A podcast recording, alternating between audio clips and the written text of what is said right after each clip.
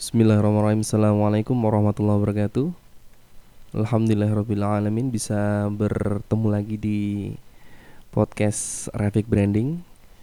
Dengan saya Rizky dari Rafik Branding. Ya. Um, Sebenarnya masih bingung sih mau ngisi konten apaan untuk podcastnya. Cuman karena ya mungkin di awal ini kita sedikit sharing-sharing aja dari kami pribadi dari saya pribadi terkait dengan mungkin siapa sih sebenarnya uh, Rafik Branding, kapan Rafik Branding ini ada, kemudian mungkin juga kayak semacam apa sih latar belakang untuk uh, perusahaan Rafik Branding ini didirikan, didirikan seperti itu. Dan siapa sih Rizky uh, yang bicara sekarang gitu. Jadi agar lebih enak, agar lebih saling memahami dan saling kenal ya saling memahami. Agar lebih saling kenal, kita coba kenalan dulu aja terkait dengan uh, siapa saya selaku bisa dibilang founder juga owner dari Rafik Branding, kemudian juga branding strategis di Rafik Branding. Baik, singkat cerita um, bisa dibilang saya suka banget sama dunia bisnis. Sangat uh, apa ya? Ya kalau dulunya tetap pengen jadi apa dulu pengen jadi arsitek, sempat pengen jadi arsitek. Ketika daftar kuliah tidak masuk arsitek malah masuknya jurusan akuntansi ekonomi. Dan di kampus tersebut ya di Jogja di kampus tersebut saya bertemu dengan beberapa teman yang akhirnya menginfluence saya untuk um, coba untuk berbisnis. Salah satunya dulu juga pernah ikut yang namanya industri MLM itu dulu ya sekarang udah nggak jauh banget. Jadi dan saya tidak merekomendasikan MLM sama teman-teman. Kemudian saya juga dekat dengan beberapa teman. Dekat dengan beberapa teman yang juga punya bisnis. Dan di situ saya ngelihat um, pada umur mungkin baru semester 2 kuliah teman saya sudah ada yang punya usaha kafe pada saat itu.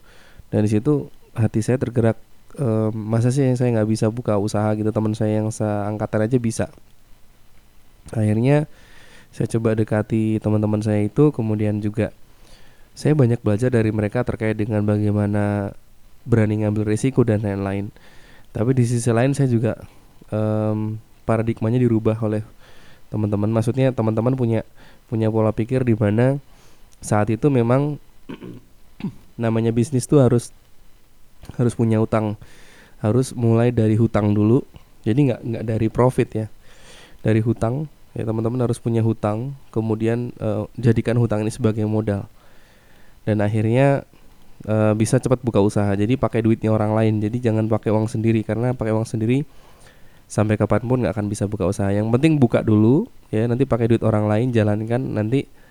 Karena ada kewajiban untuk ngebayar jadi kesannya pada saat itu berpikirnya bisnisnya jauh lebih semangat gitu kan.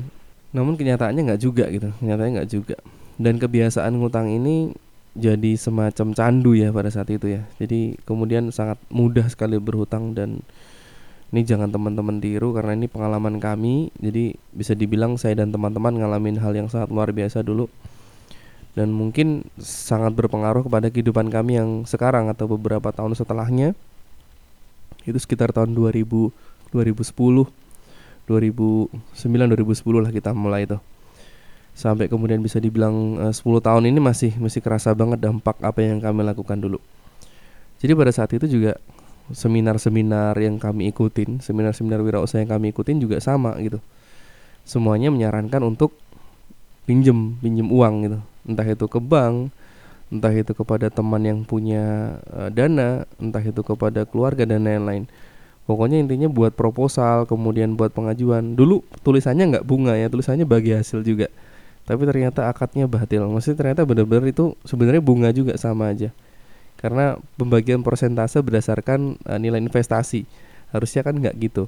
Dan harusnya kalau memang investasi nggak usah dibalikin karena konteksnya um, usaha bersama gitu. Maksudnya ketika balikin modal pun pemodal tetap memiliki usahanya nggak kemudian akhirnya putus hubungan. Jadi benar-benar bodoh terkait dengan um, fikih muamalah dulu sama sekali nggak tahu kemudian kita main action action aja ya. Ya alhamdulillahnya Allah kasih kasih bangkrut kita semua kasih pelajaran. Kemudian akhirnya mulailah dari situ berpikir berkaca introspeksi muhasabah. Oh ternyata banyak yang salah yang kita lakukan gitu. Ya tidak semua dari dari kami kemudian sadar ya. Ada sebagian yang kemudian sadar ada sebagian mungkin sekarang masih seperti itu. Semoga Allah mudahkan mereka menemukan jalan hidayah insya Allah.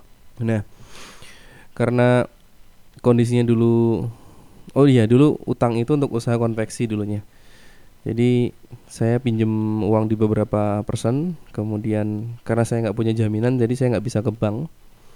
Saya ke personal-personal seperti itu dan menjalan oh punya punya istilah punya outlet konveksi sendiri meskipun nggak punya produksi ya kita produksi tempat orang tapi kita punya kayak semacam tempat penerimaan order jadi ada kantornya ada beberapa tim juga di situ beberapa person di situ pada saat awal masih lancar-lancar aja ya usaha tuh lancar-lancar aja kemudian sampai kita bisa beli komputer baru dan lain-lain.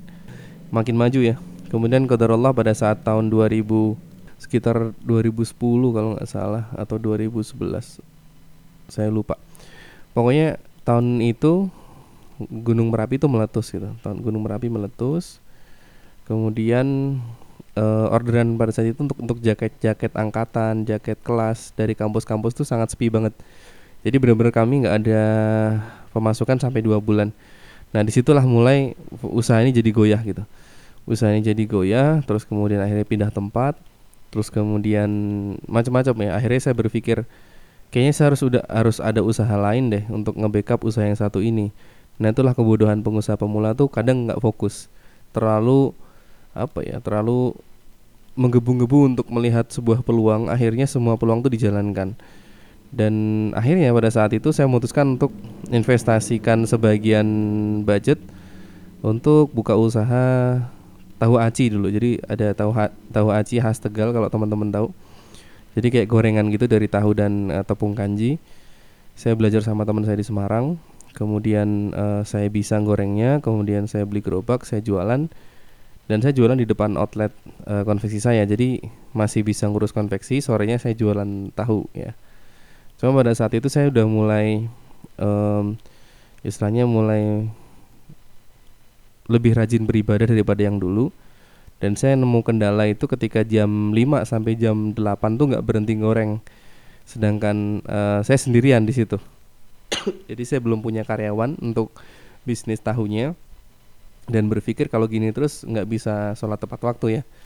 Karena dulu kan masih mikirnya kalau misalkan tak tutup nanti nggak dapet omset. Kalau misalkan saya uh, jualan terus juga nggak bisa sholat di masjid. Akhirnya diputuskan untuk tutup dulu sampai ada yang gantiin atau ada yang bantu. Tapi di saat itu juga usaha konveksi makin kacau makin nggak bener karena saya fokusin di tempat lain dan akhirnya tutup ya usaha tutup.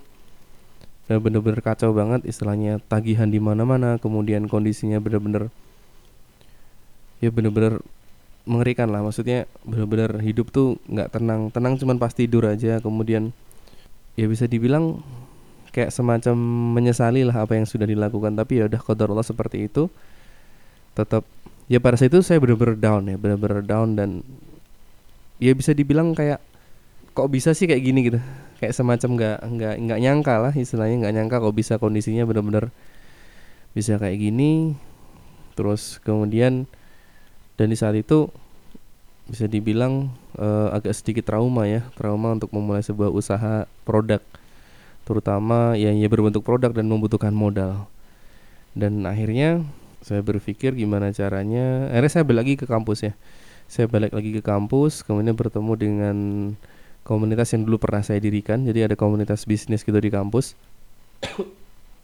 Yang di sana saya ngelihat banyak banget teman-teman yang istilahnya semangat untuk buka usahanya tinggi gitu. Terus akhirnya saya coba untuk bantu mereka saya saya, saya pandu mereka meskipun saya dalam kondisi yang kacau.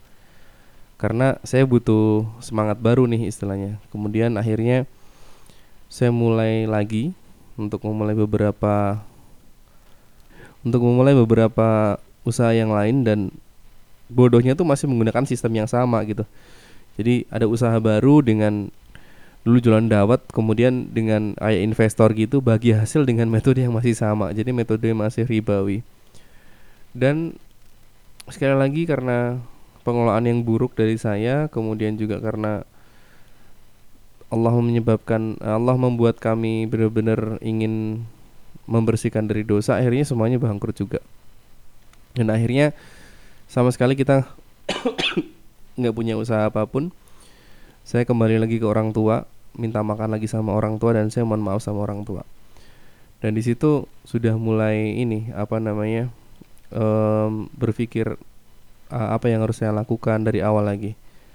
Kemudian dan di situ juga kadarullah um, setelah bulan Ramadan di tahun berapa? Saya lupa. 2011an kalau nggak salah. 2011 atau 2012 gitu ayah saya ter, terkena penyakit yang cukup serius.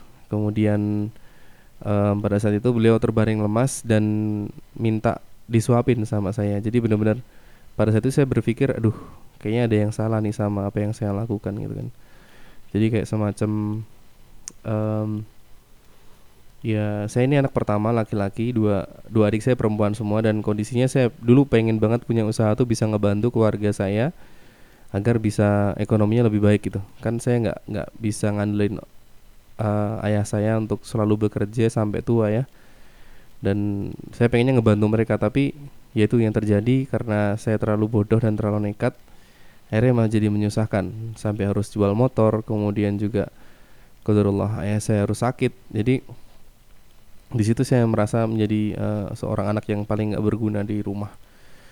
Dan di saat itu alhamdulillah uh, berkat bantuan dari saudara-saudara istilahnya sampai kemudian periksa dan dan dan istilahnya berobat jalan sampai sekarang alhamdulillah sampai sekarang sudah bisa beraktivitas dengan normal lagi. Ya sekian tahun mungkin sudah lebih dari lima tahun ya. Alhamdulillah masih diberi umur oleh Allah Subhanahu Wa Taala kemudian juga sudah bisa uh, mencari nafkah lagi untuk keluarganya. Keluarga saya maksudnya.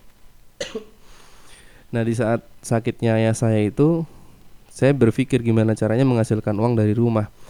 Dan bisa dibilang ini titik awal saya mulai concern ke bisnis online. Jadi saya punya buku dulu kalau nggak salah namanya jago SEO atau apa gitu. Saya baca di situ ada metode untuk gimana caranya kita bisa masuk Google halaman pertama untuk website ya. nah, karena saya nggak punya website, saya hanya punyanya blog waktu itu, bisanya bikin blog. Akhirnya saya coba bikin, saya coba bikin blog untuk jualan kaos ya, karena saya basicnya bisanya desain grafis, akhirnya saya coba bikin kaos. Dan karena saya waktu itu dekat sama komunitas pengusaha, akhirnya saya bikin kaos motivasi wirausaha pada saat itu. Dan alhamdulillah jadi um, idenya banyak gitu konsep idenya banyak. Terus kemudian saya coba pasarkan di online. Tentunya di istilahnya blogspot tadi ya saya coba bikin sebuah blogspot jadi kayak semacam saya namanya dulu brandnya kaos juragan. Jadi kaos juragan blogspot.com kemudian saya coba aplikasikan beberapa teknik-teknik SEO di situ meskipun nggak bisa semuanya ya karena blogspot itu kan terbatas beda sama website yang memang punya kita sendiri. Jadi benar-benar duh gimana caranya ini apa tips-tips apa apa langkah-langkah teknis apa aja yang bisa dimasukin di web itu atau di blog itu. Kemudian ternyata alhamdulillah jadi saking istiqomahnya dulu untuk gimana caranya bisa tampil di halaman pertama luar biasa masya Allah. Dulu tuh sampai di image terutama di image ya. Kalau di um, Google search ya masih biasa. Tapi kalau udah masuk ke tab image itu bisa dibilang satu halaman monitor tuh bisa produknya kami semua gitu. Karena benar-benar sering upload uh, desain-desain baru dan lain-lain. Nah terus kemudian sampai ada waktu itu ada yang nawarin bikin web. Jadi ada orang luar kota gitu di daerah mana gitu Surabaya kalau nggak salah. Dia email ke email saya kemudian nawarkan untuk bikin website kemudian di situ saya coba uh, ambil penawarannya yang paket paling murah. Ketika sudah mulai bikin web terus ya alhamdulillah punya agen di beberapa kota besar ya saat itu udah mulai berkembang ya. Dan saya nggak hanya bikin satu lini produk ada tiga produk. Yang pertama kaos wirausaha itu yang kedua ada kaos muslim atau nasihat nasihat dakwah. Yang ketiga kaos pengusaha muslim. Jadi pada saat itu kaos dakwah belum rame ya. Terus kemudian setelah saya jalankan selama setahun nah mulai ini bermunculan kaos-kaos dakwah yang lain dan di saat itu saya udah berpikir um, persaingan makin ketat ya istilahnya makin banyak yang terjun di project ini seperti ini. Kemudian juga ternyata mungkin karena pengelolaan saya yang buruk lagi-lagi dan ketidakfokusan saya pada situ saya udah mulai ngerasa nyaman dan kemudian saya coba cari peluang di dunia ini semacam uh, event organizer kayak gitu sama teman. Terutama untuk pelatihan uh, kinerja karyawan dan pelatihan anak-anak SMA untuk uh, semacam psikotes seperti itu. Dan karena ketidakfokusan saya makin lama juga makin ini juga apa namanya nggak fokus terus akhirnya yang handle juga nggak bisa se expert kami se sebagai pendiri atau owner akhirnya juga usahanya tutup juga akhirnya bangkrut juga. Dan di saat itu saya berpikir kayaknya saya belum belum ini deh untuk usaha yang berbentuk produk gitu. Saya coba berpikir pada saat itu saya punya kantor yang jadi juga base camp komunitas namanya Juragan Muda Forum. Itu bisa dibilang hampir tiap hari ada orang datang untuk nanya-nanya tentang bisnisnya. Jadi mas saya punya usaha ini gini gini gini tuh gimana ya mas? Terus kemudian saya jawab, mereka praktekin, seminggu lagi datang ternyata alhamdulillah omset meningkat. Beberapa ada yang seperti itu, beberapa ada masalah di sistem keuangan dan kepegawaian. Dari situ saya berpikir ini kayaknya saya sibuk ngurusin usahanya orang lain terus nih. Uh, bisa nggak jadi peluang bisnis? Ada nggak sih peluang usaha di sini gitu? Terus akhirnya setelah kemudian searching ada yang namanya konsultan ternyata. Tapi saya bukan konsultan gitu. Saya bukan orang yang ahli. Saya cuma pengen ngebantu teman-teman pengusaha untuk bisa e, menjalankan usahanya. Tentunya dengan pengetahuan dan pengalaman yang saya jalankan selama ini. Mungkin bisa dibilang untuk beberapa usaha yang saya jalankan ini saya nggak berhasil semua. Cuman e, saya hanya hanya lemah di sektor A misalkan ternyata di pengelolaan keuangan misalkan. Berarti saya yang penting saya nggak ngelola uang aja. Terutama ngelola market saya punya punya kualitas yang cukup bagus untuk promosi dan marketing. Dan akhirnya saya pertajam di situ ya saya pertajam di dunia marketing kemudian saya coba tawarkan ke teman-teman terdekat kemudian alhamdulillahnya mereka percaya. Kemudian kita coba beberapa um, relasi di situ untuk mengelola bisnisnya. Kalau dulu semuanya ya nggak hanya marketing ya. Ada pengelolaan karyawan kemudian ada sistem keuangan kemudian juga ada promosi ada sistem operasional. Kita bantu kelola semua. Pada saat project pertama itu dulu ada mie ayam ya. Kayak mie ayam kekinian gitu. Itu di daerah tempat mahasiswanya rame kayak semacam food corner gitulah itu dia buka dua tahun sudah dua tahun. Satu tahun pertama tuh rame banget ya. Setelah tahun kedua ini mulai sepi satu tahunan sepi. Kemudian kita coba dengan sistemnya kita itu kita dengan promosi online dan lain-lain. Alhamdulillah langsung rame satu bulan langsung rame. Nah, di situ udah mulai uh, ada yang hal-hal yang nggak enak ya, terutama dari sisi karyawannya karena karyawannya berpikir selama satu tahun kemarin ini saya nggak terlalu capek, kemudian baru satu bulan dipegang sama kami pada saat itu jadi rame banget. Akhirnya kerjanya kesannya bisa dua kali lipat padahal bayarannya tetap sama. Sebenarnya mereka aja yang kemarin selama setahun itu bisa dibilang nggak ngerjain apa apa karena emang customernya dikit banget.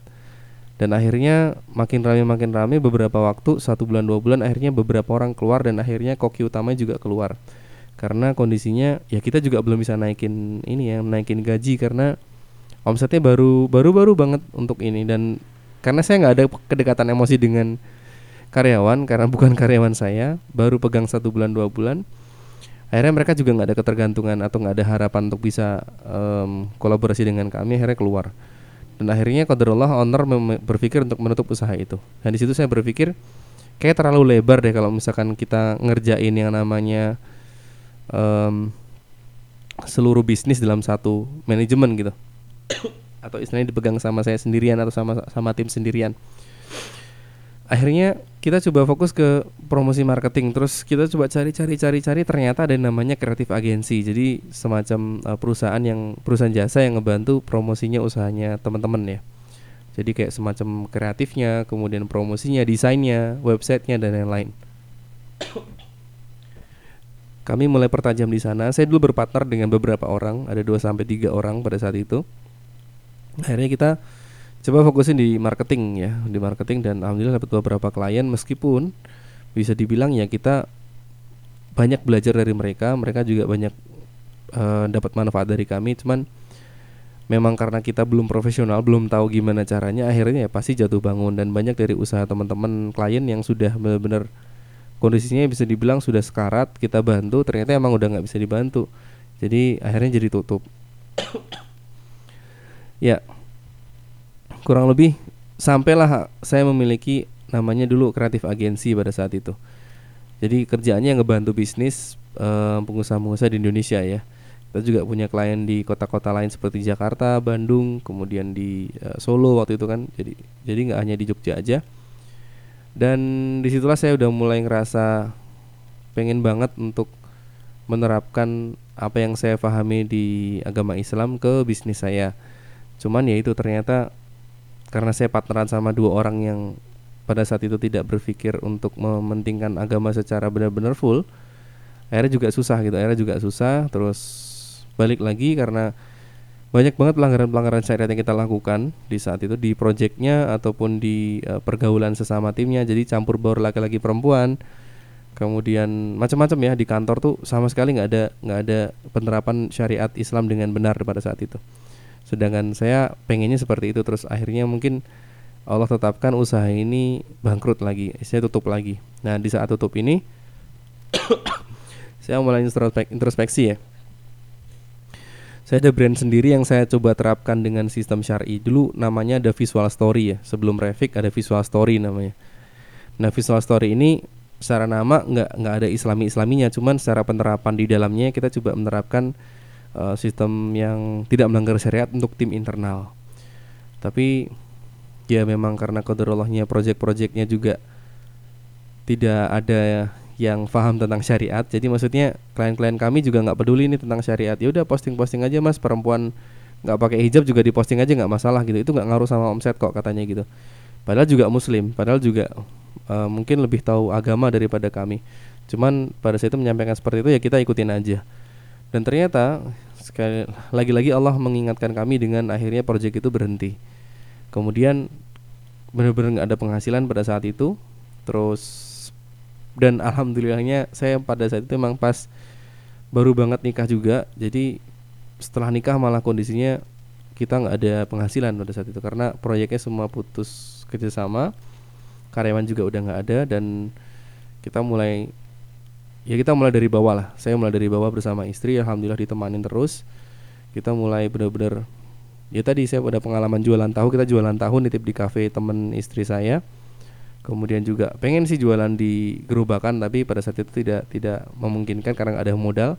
Jadi kita cuman goreng di rumah cari tahunya cari bahannya goreng di rumah. Kita tiap uh, beberapa hari sekali kita datang ke kafenya temannya untuk ngedrop itu tahu. Dan alhamdulillah ya dapat lah istilahnya buat uang belanja harian.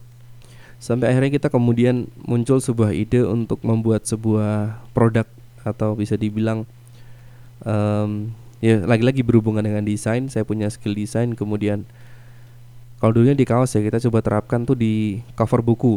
Jadi sempat lihat ada usaha tentang custom notebook kan istilahnya. Cuma kita dulu sih bayangan saya untuk bikin untuk pengusaha tapi saran dari istri saya coba kita fokus ke Islam. Jadi fokus ke agama Islam aja. Jadi benar-benar kita uh, quotesnya kayak semacam hadis atau mungkin kayak semacam nasihat-nasihat Islami yang sesuai dengan Al-Quran dan Sunnah dan pemahaman para sahabat tentunya ya.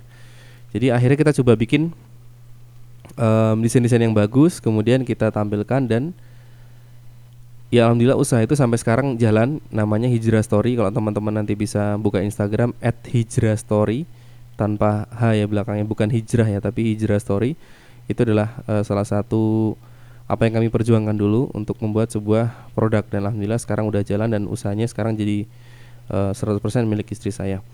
Dan kami benar-benar hidup dari itu, hidup dari buku itu. Kita coba uh, istilahnya kita coba sistem pre-order ya.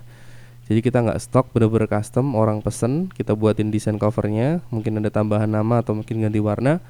Kemudian juga kita uh, akhirnya berapa halaman dan yang kita cetakin di tempat produksi seperti itu alhamdulillah makin berkembang makin berkembang makin berkembang.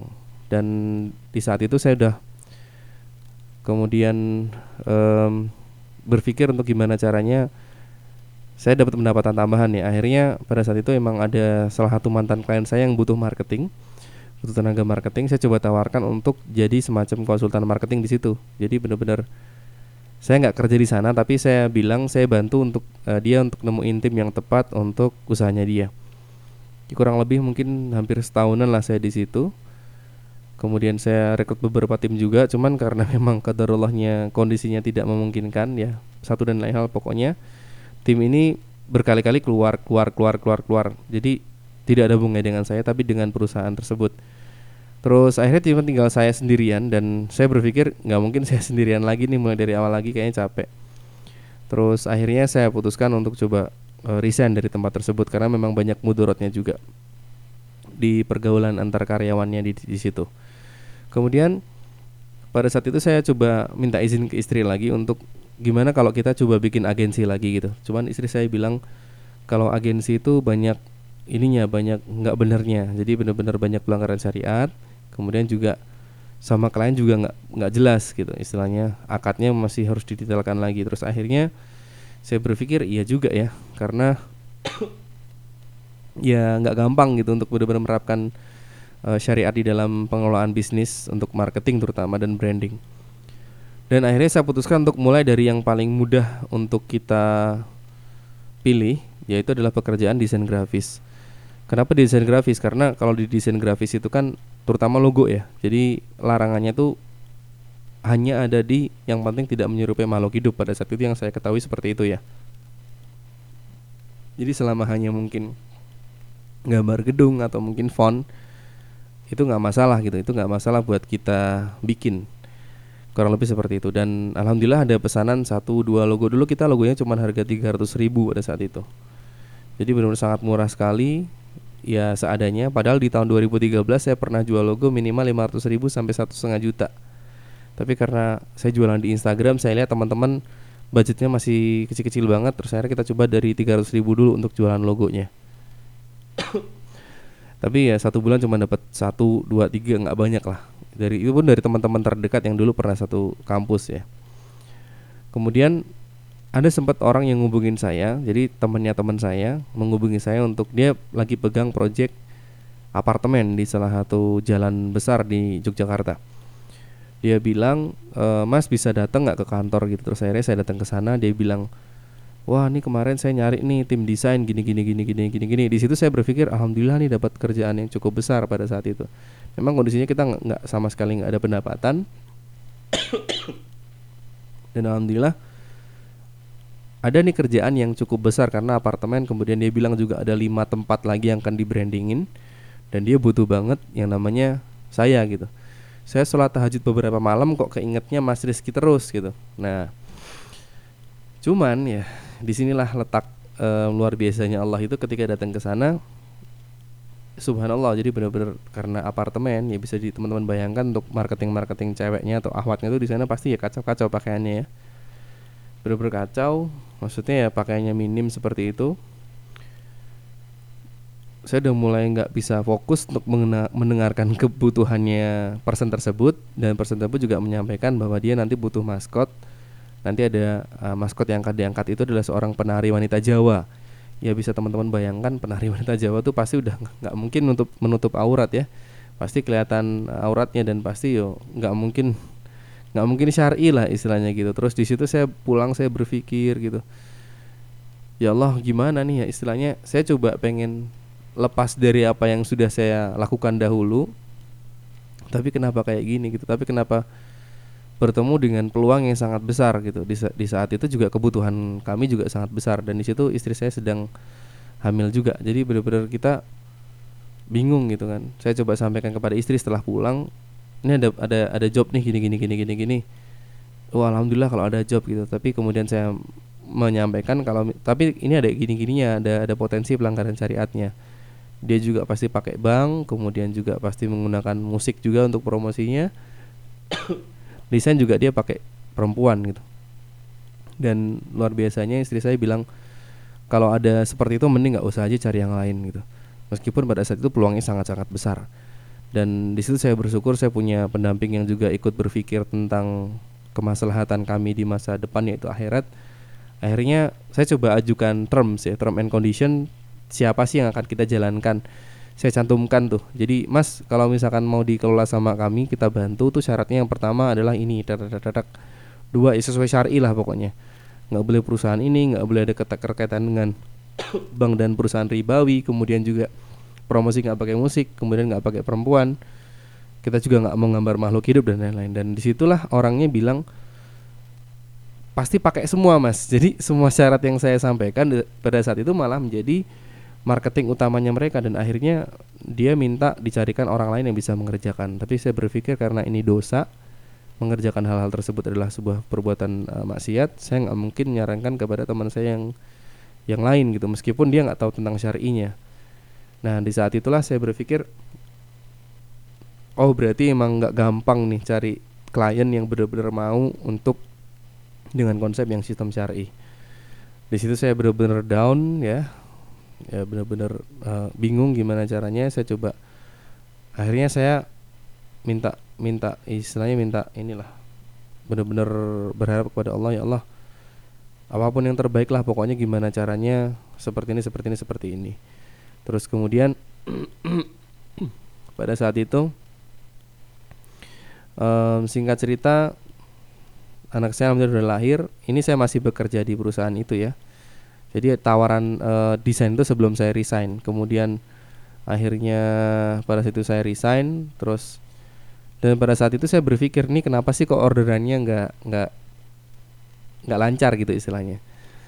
Nah terus kemudian kita berpikir uh, oh kalau dulu sih berpikir strateginya adalah yang pertama berbagi dulu sebelum kita promosi. Akhirnya kita buat sebuah semacam postingan tips gitu terus kita coba iklankan di beberapa akun dakwah satu akun dakwah pada saat itu.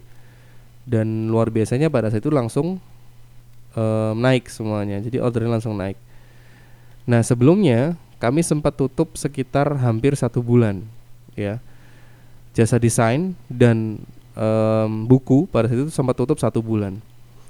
Kenapa tutup? Karena kami semakin semakin lama semakin mempelajari apa yang namanya syariat Islam kemudian saya kami menyadari bahwa ternyata aplikasi yang kami gunakan itu nggak boleh dipakai gitu. Kita juga dulu pakai Corel Draw kan. Itu nggak boleh dipakai kalau misalkan kita nggak beli. Jadi saya coba cari-cari lagi ternyata emang bener-bener nggak boleh mutlak gitu. Sampai saya yakin kalau ini nggak bisa nih. Akhirnya saya coba berlatih kembali belajar desain kembali di Inkscape. Nah untuk project-project pertama di Inkscape itu kami menggunakan untuk membuat tips karena desainnya nggak terlalu rumit. Nah di saat itu alhamdulillahnya setelah tips itu dipublish itu orderan logonya bisa meningkat uh, signifikan sekali ya, signifikan sekali. Terus akhirnya saya coba pola itu terus dan pola itu berhasil sampai sekarang alhamdulillah. Ya mungkin bisa dibilang omsetnya dari kecil banget cuma 500 ribu sebulan bisa meningkat satu juta dan seterusnya dan seterusnya. Yang pada intinya yang pada intinya konsep itu sekarang jadi uh, sampai sekarang ini Revik sekarang ini kita ada beberapa tim juga terus kita juga udah mulai open di studio ya pembuatan video iklan yang syar'i tanpa musik dan tanpa aurat. Kemudian juga kita juga udah mulai kelola beberapa bisnis ya di Jogja maupun luar Jogja untuk pengelolaan sosial medianya dengan konsep yang syar'i. Tanpa musik tanpa aurat tanpa ahwat juga. Jadi mulailah dari yang kecil dulu ya. Kami mulai dari yang kecil benar-benar dari bawah. Kita nggak pinjem duit siapa pun maksudnya nggak pinjem untuk modal karena usahanya nggak perlu modal jadi modalnya cuman bisa dibilang keistiqomahan kita dalam terus coba promosi dengan cara yang baik. Terus kita mulai mengeliminasi cara-cara yang nggak baik semuanya kita eliminasi. Ya alhamdulillahnya dalam ya bisa dibilang sekarang kondisi kami sudah cukup membaik daripada yang dulu. Kami sangat bersyukur dan kami terus coba untuk um, benar-benar utamanya adalah selamat dulu aja deh mau dapat orderan atau enggak yang penting selamat. Karena banyak juga klien-klien yang nanya gitu kemudian kami akan tolak kami tolak karena memang kondisinya usahanya nggak bisa kita bantu karena ada pelanggaran syariat yang besar di dalamnya. Kecuali dia mau ada syarat-syarat tertentu dia mau kemudian e, mengeliminasi hal-hal yang melanggar syariat kita bisa bantu sih brandingnya. Tapi mostly kita nggak mungkin tiba-tiba langsung memerintahkan orang yang nggak kita kenal sebelumnya untuk nurutin kemauan kita yang mengikuti syariat Islam. Dan alhamdulillahnya ternyata banyak sekali pengusaha-pengusaha muslim yang tertarik dengan konsep seperti ini. Jadi beberapa teman-teman saya tuh berpikir bahwa graphic branding ini adalah uh, usaha desain yang punya diferensiasi yang kuat gitu. Jadi di, mereka anggap konsep syar'i ini sebagai diferensiasi. Padahal enggak teman-teman, padahal enggak. Kita benar-benar cari aman aja. Kita benar-benar kondisi kepepet, nyari yang paling aman dan paling hati-hati. Intinya seperti itu.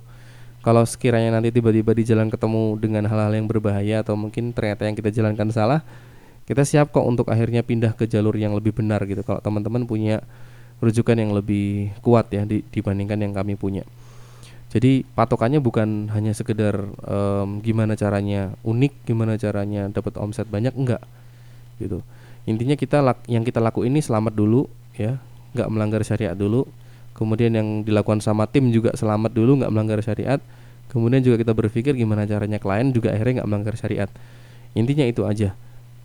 Nanti urusan dapatnya sedikit atau banyak itu kan udah urusan Allah rahasia Allah dan itu udah ketetapan Allah mau gimana pun juga kita berusaha kalau misalkan rezeki Allahnya belum jatahnya dapat segitu atau pendapatannya belum dapat segitu juga nggak akan bisa ya begitu pula sebaliknya meskipun kita usahanya biasa aja tapi Allah tetapkan kita dapat banyak di waktu-waktu tertentu ya insya Allah akan dapat jadi kurang lebih seperti itu perjalanan kami ya saya sendiri dan teman-teman sekarang dan saya menemukan banyak hal yang luar biasa ya kemudian saya buka lowongan kerja itu banyak sekali teman-teman yang bahkan dari luar kota pengen pindah ke Jogja. Mungkin mereka tahunya Revik itu sebuah kantor yang sudah besar gitu kan. Yang dengan uh, kalau di online kan seakan-akan sudah punya kantor yang besar padahal enggak. Kita kita cuman tinggal di ruangan yang kecil. Kantor kami sangat kecil sekali saat ini.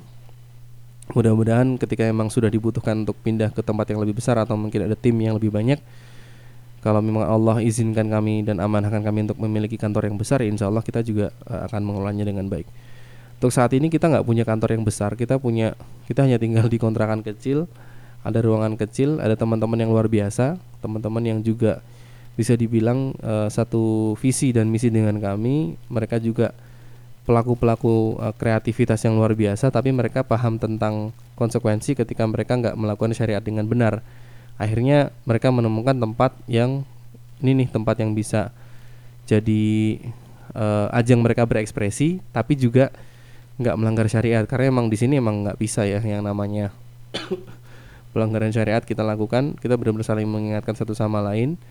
Jadi nggak ada saya yang lebih tahu dia lebih tahu nggak. Tapi teman-teman yang dia lebih tahu bisa menyampaikan ke teman-teman yang lain. Kurang lebih seperti itu. Dan di luar sana banyak banget yang pengen gabung ke Rafik Branding. Tapi kadar Allah kami benar-benar belum bisa sampai ada yang mau hijrah ke Jogja sama istrinya.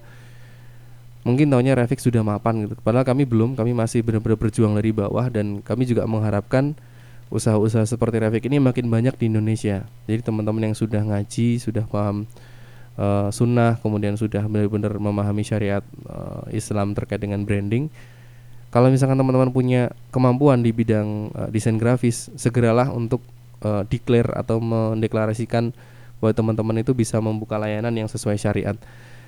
Jadi pengusaha muslim pengusaha muslim yang lain minimal bisa terbantu yang pertama yang kedua terinspirasi karena mereka akhirnya bisa juga tadinya nggak tahu jadi tahu dengan uh, rules yang kita sampaikan. Oh ternyata gambar ini nggak boleh ya mas. Ya udah deh saya tolong dibantu gambar ini dihilangin. Kurang lebih seperti itu. Jadi nggak hanya kita cari uang aja di bisnis ini tapi kalau bisa sih jadi bisa jadi ladang amal nanti. Termasuk juga teman-teman yang ikut dengerin podcast ini uh, mudah-mudahan kita bisa bareng-bareng ya. Istilah istilahnya benar-benar selamat dari siksa api neraka. Dan saya minta doanya juga agar Rafiq ini bisa istiqomah ngebantu teman-teman pengusaha muslim se Indonesia. Jadi saya nggak melulu soal duit. Kalau misalkan ada teman-teman mau konsultasi bisa ngubungin kami secara langsung. Nanti tentunya waktu dan uh, istilahnya dan kesempatan kita akan atur ya karena kita juga ada kerjaan inti.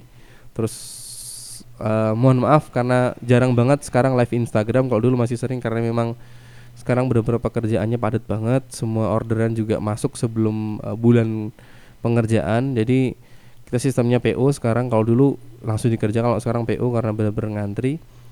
Dan mudah-mudahan saya dipertemukan dengan tim-tim yang lebih um, bisa menggantikan saya karena saya kewalahan untuk ngedesain. Kalau misalkan ada tim yang lebih bagus dari saya insya Allah ada ada juga untuk gabung bersama Revik. Jadi saya bisa um, berbagi dengan teman-teman yang lebih banyak Baik kurang lebih seperti itu yang bisa saya sampaikan. Saya Rizky dari Efek Branding undur diri. Terima kasih sudah mendengarkan cerita yang cukup lama ini.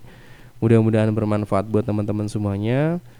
Kita tutup. Subhanakallahumma wa bihamdika asyhadu alla ilaha illa anta astaghfiruka wa atubu ilaik. Wassalamualaikum warahmatullahi wabarakatuh.